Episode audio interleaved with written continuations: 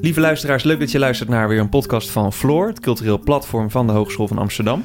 Mijn naam is Demi van der Worp en ik ben programmamaker bij Floor. Elk jaar op 10 december is het de Internationale Dag van de Mensenrechten. En tegelijkertijd de Internationale Dag van de Dierenrechten, Animal Rights Day. Het leek mij een geschikt moment om het eens te gaan hebben over dierenrechten. Want wat zijn dat nou precies en uh, wat, wat, wat moeten we er eigenlijk mee? En met wie kan je dat nou beter doen dan met Marianne Thieme? Marianne, welkom. Dankjewel. Ja, Dankjewel. Voor de mensen die jou niet kennen, waar kunnen we jou van kennen? Van de politiek en uh, van de dierrechtenbeweging. Ik uh, ben uh, niet alleen politicus geweest in de Tweede Kamer voor de Partij voor de Dieren als fractievoorzitter. Ik heb ook de Partij voor de Dieren mede opgericht. Maar ik ben ook schrijver als boeken van De Eeuw van het Dier, Groeiend Verzet, De Kanarie in de Kolenmijn met Ewald Engelen samen, mijn partner. En uh, daarnaast uh, ben ik eigenlijk altijd wel uh, te porren voor een, een, een, demonstratie of een actie tegen het klimaat, tegen klimaatverandering, milieu te beschermen, natuur. Maar met name, zoals de naam Partij voor de Dieren al zegt, opkomen voor de stemlozen, de dieren. En welke leeftijd had jij toen je hier eigenlijk soort van wakker voor werd? Ja, ik denk, uh, ik heb uh, eerst VWO uh, gedaan en daarna ben ik een jaar naar Parijs geweest. En heb ik goed nagedacht over van wat vind ik nou echt belangrijk. Wil ik veel geld verdienen of wil ik graag de wereld een beetje mooier maken? Hoewel dat kan soms ook samen gaan, denken sommigen. En um, dan, toen dacht ik, ik, ik ga rechten studeren. En dat heb ik gedaan aan de Erasmus Universiteit in Rotterdam. En uh, ik kwam toen al heel snel achter dat als het ging om milieu en rechten voor, voor natuur of voor dieren, dat er eigenlijk nauwelijks uh, theorie over bestond. Dus ik ging uh, allemaal boeken lezen. ik werd vegetariër in, als student. En nadat ik een, een indrukwekkende documentaire had gezien bij de VPRO op de televisie over hoe koeien eigenlijk dingen zijn geworden in plaats van dieren. En um, dat alles kwam een beetje bij elkaar. Toen ik uiteindelijk afgestudeerd was, en ik had natuurlijk een carrière kunnen maken in advocatuur of uh, als rechter. Daar heb ik ook serieus aan gedacht. Maar ik ben eerst, uh, nadat ik een paar omzwervingen binnen het bedrijfsleven, ben ik uiteindelijk uh, activist geworden bij Bond voor Dieren. Een, een, stichting tegen de bondindustrie. En daarna directeur van Wakker Dier geweest. En ondertussen de Partij voor de Dieren opgericht. En dat heb ik allemaal gedaan vanuit het idee van wat gek eigenlijk dat wij mensen uh, alles uh, nogal prat op gaan. Dat wij zo intelligent zijn en zo wel bewust onze keuzes maken. terwijl als je om ons heen kijkt en hoe we omgaan met de natuur en met onze aarde, dan gaat dat zeer, ja, toch wel heel dom. En ten koste van ons eigen welzijn, maar vooral ook ten koste van andere levende wezens. En in die zin zouden wij eens wat meer naar dieren moeten gaan kijken over hoe wij op een duurzame, uh, uitgebalanceerde manier zouden kunnen leven. Ja, en, en zo ontstond denk ik ook het gedachtegoed voor de Partij voor de Dieren. Ja. En die is, eh, in welk jaar is die? Die is in uh, oktober 2001 uh, opgericht en um, uh, even kijken, dan zeg ik dat goed, want het is inmiddels, het gaat zo snel de tijd. Ja, in 2001 opgericht en uh, dat was omdat we zagen dat andere zich groen noemende partijen eigenlijk niets deden tegen het nogal dieronvriendelijke, natuuronvriendelijke beleid van uh, de kabinetten destijds. En toen dachten we, ja, we kunnen wel elke keer als dierenbeschermingsorganisatie aankloppen bij de politiek en dan aardig worden ontvangen met een kopje koffie en, en een koekje en dan luisteren ze even beleefd naar maar vervolgens gaan gewoon door met alles om, omtrent uh, alleen maar eigenlijk korte termijn belangen van de, van de economie. We gaan gewoon daar zitten waar het beleid wordt gemaakt. We gaan daar 365 dagen actie voeren. En uh, dat is in, uh, eigenlijk in januari 2003 net niet gelukt. We hadden bijna een zetel. Uh, maar we zagen, dus al wel dat uh, er een enorme behoefte was aan zo'n partij die voorbij de mensenbelangen denkt. Op lange termijn. En ik weet nog wel dat, omdat het ook de dag is van de mensenrechten, dat ik gebeld werd een paar weken nadat de Partij voor de Dieren was opgericht door een mevrouw. En zij was, denk ik, ergens in de negentig, zei ze. En ze zei: Ik vind het zo geweldig dat er een Partij voor de Dieren is opgericht. Want ik ben zelf in de vrouwenrechtenbeweging heel actief geweest in de jaren zestig. En daarvoor ook. En uh, wij, ik kan me nog goed herinneren dat elke keer als wij weer een actie hadden gedaan, dat we dan s'avonds toosten op vrouwenrechten en vegetarisme. Omdat zij zich verbonden voelden met uh, alles wat kwetsbaar is en wat wordt onderdrukt. En zij zagen dus de link ook, en dat zie je ook in de geschiedenis, tussen het opkomen van dieren is eigenlijk een volgende stap nadat vrouwen bevrijd zijn, kinderen rechten hebben gekregen, de LHBTI-beweging, uh, het, uh, het bevrijden van slaven. Het is eigenlijk het bevrijden van onderdrukte groepen en erkennen dat zij een bestaansrecht hebben en dat zij hun eigen rechten ook verdienen. Dus eigenlijk zeg je hier impliciet mee dat wanneer we het allemaal goed geregeld hebben voor dieren, dat we het eigenlijk allemaal al goed geregeld hebben voor, voor alle groepen mensen. Het is een manier van leven en een manier van denken, waarbij je voorbij je eigen belang denkt. En uh, waarbij elke keer als je een beslissing neemt, um, dat je dan automatisch denkt: wat betekent dit voor mijn medemens? Maar dat niet alleen maar bij je eigen soort houdt, maar dat je soort overstijgend denkt. Dus van, wat betekent dat voor de natuur? Dat ik zo ontzettend veel koop of dat ik zo ontzettend veel uh, CO2 uitstoot... doordat ik de lampen aan laat staan of heel veel vlees eten... komen we misschien straks nog op, wat enorm veel effect heeft op onze omgeving. Maar uh, dat doen we heel vaak niet of we houden het eigenlijk alleen maar bij... Oké, we willen medemenselijk. We denken aan, aan onze medemens. En daar houdt het dan heel snel bij op. Want we kunnen ons bijna dan niet inleven in dat misschien de rechten van andere soorten ook worden geschonden. Van het recht op leven en zonder angst, pijn of stress. Even terug naar, naar de basis van het onderwerp. Ja. Dierenrechten. Wat zijn dat nou eigenlijk? Ja, kijk, vaak um, als we aan dieren denken, dan denken we natuurlijk gewoon aan de dieren in de directe omgeving, uh, in de tuin, maar ook uh, thuis uh, met de huisdieren die we hebben. En we weten natuurlijk dat heel veel dieren worden gehouden voor voedsel in de bio-industrie. En als we dan hebben over, ehm, over het lot van de dieren, dan wordt er vaak gezegd: Nou, het is wel belangrijk dat als we dieren gebruiken, dat het dan in ieder geval zo goed mogelijk gebeurt. Dus met welzijnseisen. En dan wordt er zeker door de vleessector ons vaak wijsgemaakt dat wij het beste jongetje van de klas zijn, dat, onze, dat het welzijn van de dieren vergeleken met de rest van de wereld heel erg goed is. Nou, dat blijkt helemaal niet het geval. En we hebben te maken met 650 eh, miljoen dieren per jaar die over de kling worden gejaagd in de bio-industrie. Dus na een kort en ellendig leven worden gedood in die slachthuizen. Uh, dat wordt wereldwijd, is dat zelfs 7 miljard per jaar. En dat gebeurt in China, overal. Maar wij zijn een zeer uh, grote export, echt groot exportland. Zo'n klein landje hebben heel veel dieren. En uh, daarnaast worden ook heel veel dieren doodgeschoten in de natuur door jagers voor de lol. Voor trofeeën, om, om, om, voor de spanning. En dat zijn er zo'n 200, 2, 2 miljoen. En je hebt natuurlijk ook nog proefdieren. Dus je hebt op allerlei fronten hebben, hebben mensen besloten dat ze dieren gebruiken voor voedsel, kleding. Denk aan de netse fokkerij die nu leeg zijn vanwege corona. En Nederland is daar nogal een, eh, een, een, groot gebruik, uh, gebruiker van, het, uh, van, van dieren. Nou, je kunt dierenwelzijn dan verbeteren, waardoor je in feite denkt van nou, dan hebben we het gewoon goed geregeld. Of je kunt zeggen nou, we moeten eigenlijk ons afvragen waarom hebben wij dieren nodig? Voor onze kleding, voor voedsel? Zijn er geen alternatieven? Of is het eigenlijk wel ethisch dat we dieren onderwerpen aan gruwelijke experimenten voor medicijnen waarvan we nog maar af moeten wachten of het gaan werken? Dus dat zijn allemaal vragen. En de een gaat dan welzijn op, we gaan gewoon welzijn verbeteren. En de ander gaat nee, we gaan dieren bevrijden van het gebruik ervan. Beetje dezelfde discussie uh, werd toen gevoerd tijdens de slavenhandel.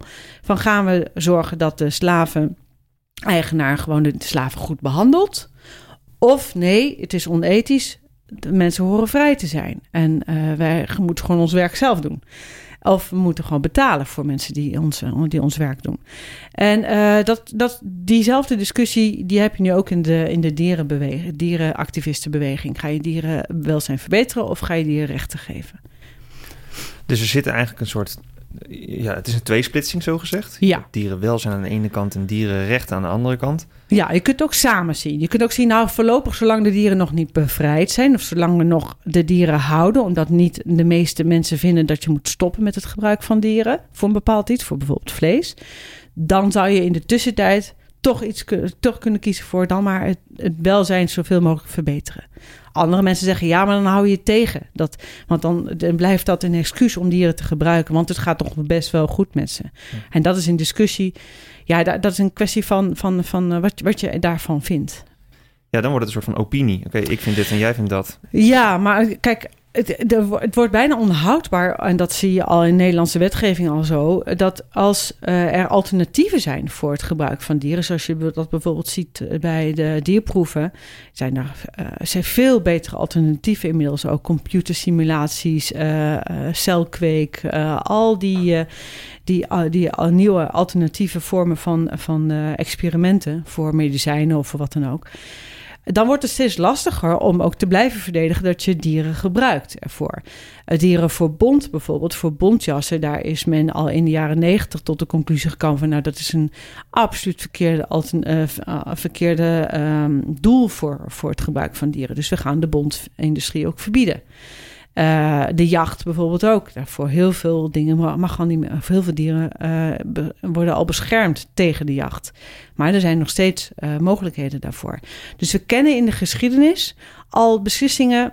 Geen dierexperimenten voor, voor bijvoorbeeld cosmetica. geen jacht voor het plezier op bepaalde diersoorten. En dat is eigenlijk een voorloper van het uitbannen van het gebruik van dieren we vinden eigenlijk ergens vinden we dat dieren intrinsieke waardes hebben en dus ook rechten. Ja. Maar waarom duurt het dan zo lang? Dat heeft uh, vooral te maken met uh, handel en met commerciële belangen. Ook een boer, als, die, uh, als ik een boer spreek met, met, met, met 100.000, wat absoluut geen uitzondering is van 100.000 kippen. Als je echt diep in zijn hart kijkt, of als je hem echt even doorvraagt, dan zegt hij ook: eigenlijk kan dit niet. Ik ken mijn dieren helemaal niet. Uh, ik weet helemaal, ik, ik, zit achter mijn computer de hele dag uh, om, om het management eh, van de dieren te regelen. Ik kom er eigenlijk nooit. En dat is voor, ook voor zo'n boer eigenlijk helemaal niet leuk. Alleen sommige boeren, die, die interesseert ze niet en die, die doen het gewoon puur voor het grove geld. Ehm, consumenten aan de andere kant, en dat wordt heel vaak gezegd, wij moeten gewoon beter stuk vlees kopen. Of wij moeten gewoon vegetariër worden en dan houdt het vanzelf op. En dat wordt vanuit de gedachte van de vraag bepaalt het aanbod. Dat is, dat is echt een achterhaald idee. Dat wij als vragende consument kunnen bepalen hoe dingen worden gemaakt. Inmiddels worden zoveel dingen ofwel gesubsidieerd of wordt vooral voor de export geproduceerd. Dat je daar als Nederlandse consument helemaal geen invloed op hebt. De bio-industrie wordt zwaar indirect gesubsidieerd. Uh, het is voor 70% van alles wat ze maken aan vlees en, en kaas en eieren, is allemaal voor de export. Dus dan kunnen wij wel hier braaf in ons uh, uh, eigen land de goede dingen kopen. En daar moet je ook vooral mee doorgaan. Maar het blijft een groot exportproduct, wat veel meer eigenlijk aan kosten met zich meebrengt dan dat wat oplevert, overigens. En dat is zo vreemd. Waarom doen we dat? En daar heb je vanuit van oudsher altijd een overheid voor gehad om sommige dingen die wij ethisch onverantwoord vinden of te kwetsbare willen beschermen, dat we dat vanuit een collectief verband, de overheid, dat we dat gaan regelen. De, de overheid als een soort marktmeester. En de, die, die rol heeft de overheid eigenlijk de afgelopen 30, 40 jaar sinds het neoliberalisme niet genomen. Sterker nog, uh, bijvoorbeeld ze zeggen altijd... ja, de vrije markt, dat is heel erg belangrijk. Maar er is helemaal geen vrije markt. Want eh, de overheid zit overal in. Ik denk aan de fossiele brandstofindustrie. Die wordt zwaar gesubsidieerd. Die zou dan lang omgevallen zijn. Uh, als het, uh, maar dat wordt allemaal in de benen gehouden. Dus er is helemaal geen sprake van een overheid die op een afstand staat. Nee. Nee, dat, ik denk dat dit al aan zich een, uh, een volgende team podcast kunnen zijn. Ja, ja maar dat, dat geeft aan waarom toch telkens weer opnieuw uh, mensen, dieren, de natuur, het onderspit uh, dreigen te, uh, te delven.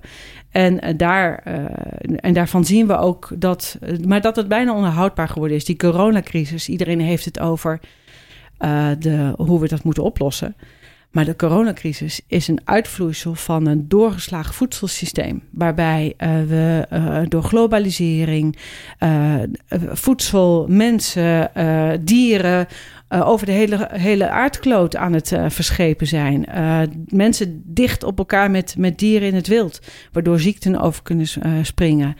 En dat dan weer vervolgens via al die handelstromen over de hele wereld worden verplaatst. Dus we hebben echt wat te doen om dat we in feite zagen aan de tak waarop we zitten. Dus als wij niet voor dieren opkomen, als we niet de natuur nu veel meer voorop stellen, dan zullen we uiteindelijk daar zelf ook de prijs voor gaan betalen in de vorm van dierziektecrisis, et cetera. Ja, dus dit is eigenlijk al een heel mooi voorbeeld waarom dierenrechten niet alleen belangrijk zijn voor dieren, maar ook heel egoïstisch gezegd ook gewoon belangrijk zijn voor onszelf als ja. mensen. Ja. Ja, je hebt natuurlijk uh, vrij veel uh, ethici of uh, filosofen die hierover geschreven hebben. En dat zijn hele interessante boeken. En Pieter Singer bijvoorbeeld heeft de term speciesisme genoemd. Dat is in feite gewoon het discrimineren van andere soorten. En je dus alleen maar bezighouden met de mensensoort, het antropocentrisme. Uh, ja, moeilijk woord eigenlijk. Ja, ik val er ook altijd over. Het mens centraal denken. Ja, precies. En uh, dat we daar uh, eigenlijk vanaf moeten om redenen die we net ook al even hebben besproken. Het is alleen omwille van onze eigen toekomst al beter om rekening te houden met andere levende soorten en met de hele planeet natuurlijk. Maar ook omdat, en dat zei jij in de, in de podcast in het begin van ons gesprek ook al, dieren een eigenwaarde hebben. Een, een, een, een, een intrinsieke waarde, een lichamelijke integriteit die losstaat van de nut van de mens. Ook al zou een dier misschien economisch heel veel waarde hebben en dat je daarom het, rechtvaardigt om het te gebruiken, wat je heel vaak ziet hè, in de bondindustrie, in de, in de vleesindustrie, ja, het levert zoveel geld op. Uh, nee, je gaat eigenlijk anders denken. Je gaat denken: nee, het dier heeft recht op een eigen leven. Om zich voor te kunnen planten, om zich te kunnen. Uh, om gevoelens van geluk, of hoe je dat ook zou willen uh, typeren. vrijheid te kunnen hebben. Om hun te gedragen naar hun eigen aard. En dat betekent niet, zoals tegenstanders van dierrechten vaak zeggen, dat je het dier gaat vermenselijken alsof wij dieren, uh, uh, alsof wij uh, dieren truitjes willen aandoen. En op die manier wat je heel vaak ziet gebeuren. Dat is niet wat dierrechten betekent. Je, zult het kunnen, je kunt het vergelijken met het geven van rechten aan kinderen. Kinderen kunnen ook eigenlijk niet goed voor zichzelf opkomen in een juridische omgeving, in onze samenleving. Dat kunnen alleen hun ouders doen. Maar we hebben kinderen ook beschermd, soms ook tegen hun eigen ouders, door uh, een kinderrechtenverdrag op te stellen. Zo kun je dat ook doen voor dieren die niet zelf naar de rechtbank kunnen. Uh, of kunnen erven. Dus mensen denken, oh, mag een kan een dier dan ook erven? En uh, ik zie zelf al dat er een, een koe naar de rechtbank gaat... omdat hij zich niet goed, heeft, niet, goed voelt. En dat is allemaal om het maar belachelijk te maken. Terwijl we kennen dat soort rechten al voor mensen kinderen of mensen met een, met een beperking die niet voor zichzelf kunnen opkomen.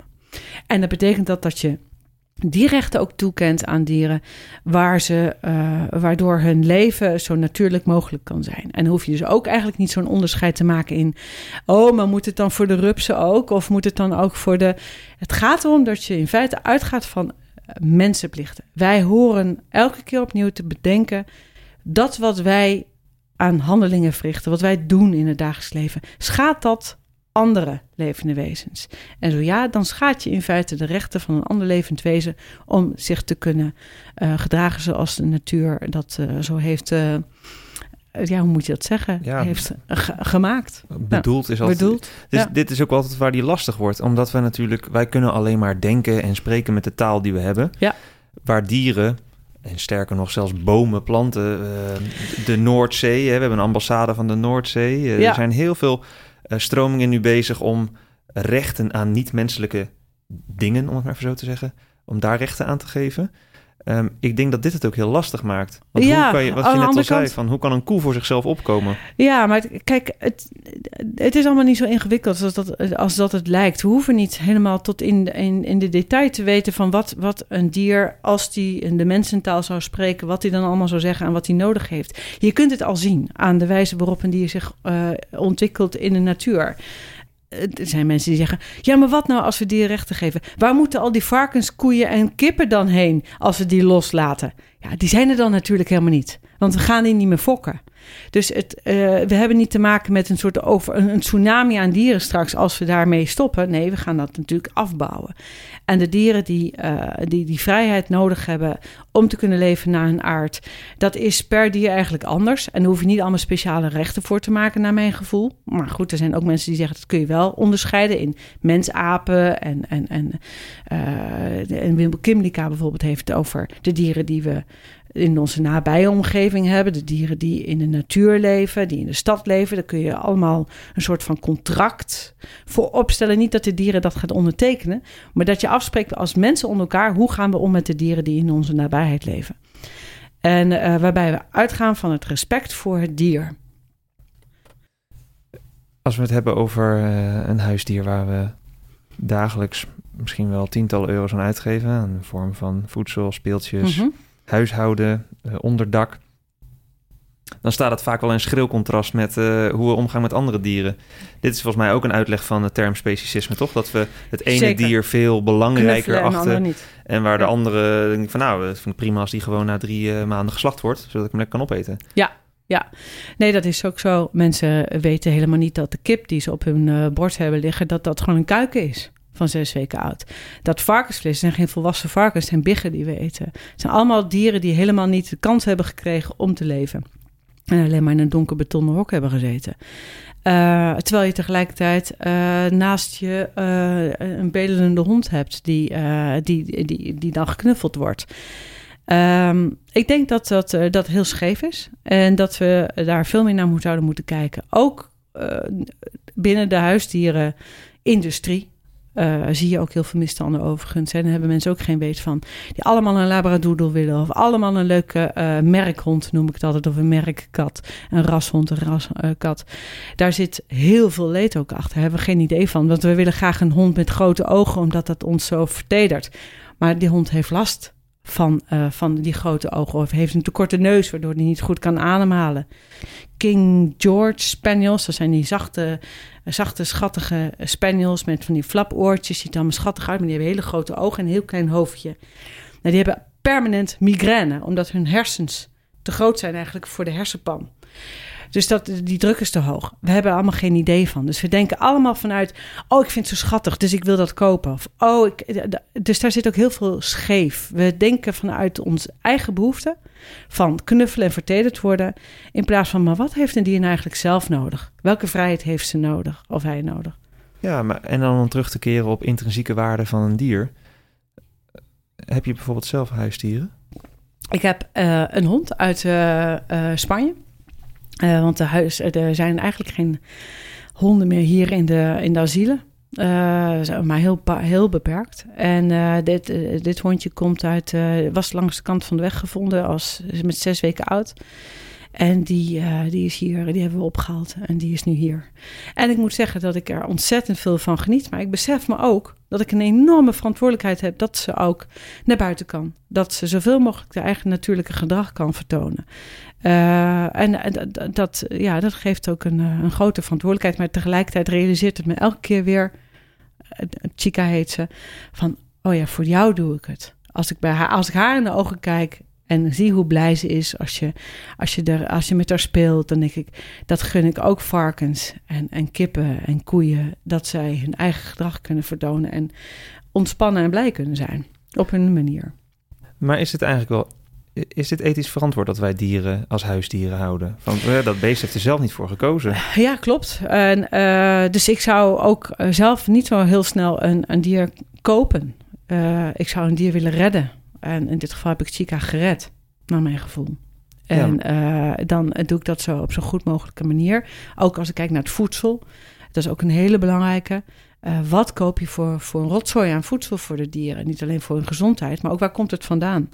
Er is gelukkig steeds meer biologisch beschikbaar. En, uh, maar het blijft een dilemma. En daarom vind ik ook dat we vooral dieren moeten redden die uh, slachtoffer zijn geworden van een doorgeslagen industrie. Ja, want eigenlijk valt het niet te, te, verenigen met, um, met een soort van het hardcore zijn voor dierenrechten, zo gezegd. Nou, Want dan, hebben doen, we, dan komen, we, komen we weer uit op de, de tweestrijd tussen dierenwelzijn. Je kan natuurlijk zo goed mogelijk voor dat, voor dat beestje zorgen. En dieren rechten. Mhm. Als we het hebben over een soort van natuurlijke staat van zijn, is Ja. het dan niet zo dat dat dier dan eigenlijk nu weer uit zijn natuurlijke omgeving wordt gehaald, omdat wij dan goed voor hem zorgen? Ze, eh, hij zat in een doos. In een donkere doos. Ja, En eh, had geen, sla, geen kans van slagen om, om ook met te kunnen overleven. Dat, moeten we dat maar doodmaken dan? nou, dat is, dat, is dat de ethische. nee, de dat ethische vind ik bodem? onethisch. Eh, het, het, het, dan, ben je, dan ga je juist voorbij aan de gedachte dat eh, recht, het geven van rechten aan dieren, het, de zorgplicht die we hebben, dat, dat dat komt vanuit een gevoel van mededogen. En een meegevoel. En eh, dat, dat is wat, wat telkens opnieuw moet blijven bestaan. Als je het gaat rationaliseren, dus je gaat het feiten alleen maar buiten jezelf en je gaat vanuit een logica ga je redeneren, dan schiet je je doel voorbij. Want het gaat uiteindelijk om, het gaat uiteindelijk om liefde. En om zelfopoffering. En om eh, eh, ook een beetje nederigheid. Dat je jezelf niet zo boven alles verheven voelt. Dat is, dat is eigenlijk je, de levenshouding die je, die je leert. En zeker ook zo'n chica, die, zo'n ho- hondje van mij, die leert mij elke dag weer om nederig te zijn. Alleen als ik kijk naar hoe wat voor sprongen ze kan maken, hoe hard ze kan rennen, dan denk ik, en dan gaan wij zo prat op dat we het allemaal zo goed kunnen en dat wij zo, zo veel beter ontwikkeld zijn, dat wij de top van de ontwikkelingspyramide zijn. Kijk naar, naar dieren, wat zij vaak beter kunnen. Ze kunnen vliegen, ze kunnen beter zien of beter horen. Ehm, en wat een, wat een rijkdom is dat eigenlijk, om dat om je heen te hebben, wat een inspiratie. En zo kan een, een gered eh, dier die je houdt omdat het anders zou verhongeren of, eh, of dood zou gaan, kan elke dag weer die spiegel voor je zijn. Dus eigenlijk zeg je hiermee eh, het verkopen van dieren. Zou ik, eigenlijk zou, ik, zou niet zo ik zou niet zo snel een, een, een, een, een dier kopen. Nee, omdat je ook. Wat mensen niet weten is dat heel vaak de, moeder, de moederdieren zitten in. Net als eigenlijk in de bio-industrie, vaak in eh, donkere betonnen eh, de hokken waar ze alleen maar puppies moeten gaan, eh, gaan produceren. Met name ook wel in het in, eh, in de eh voormalige Oostblok. Daar zit heel veel en die komen allemaal naar Nederland. Wordt op internet gekocht. Dus de verkoop op internet via, via eh, dat soort platforms. eh, dat is wel iets wat een groot probleem is. En ook het doorfokken van dieren op eigenschappen, dus op uiterlijke kenmerken, zoals grote ogen, een korte neus, een gek staartje of flaporen. Dat zorgt ook voor heel veel leed, want je krijgt dan, je, je krijgt dan inteelt. En, en de mensen die wel in Nederland gewoon een nestje hebben van een, een, een vuilnisbakkie noemen we dat dan, hè? Dus wel gezonde ja, beesten. het is, Vinden we het, dat dan kijk, wel het- oké? Het is ontzettend lastig om daar telkens opnieuw bij elke, elke vorm daarvan eh, weer te zeggen: vind ik het wel of niet oké?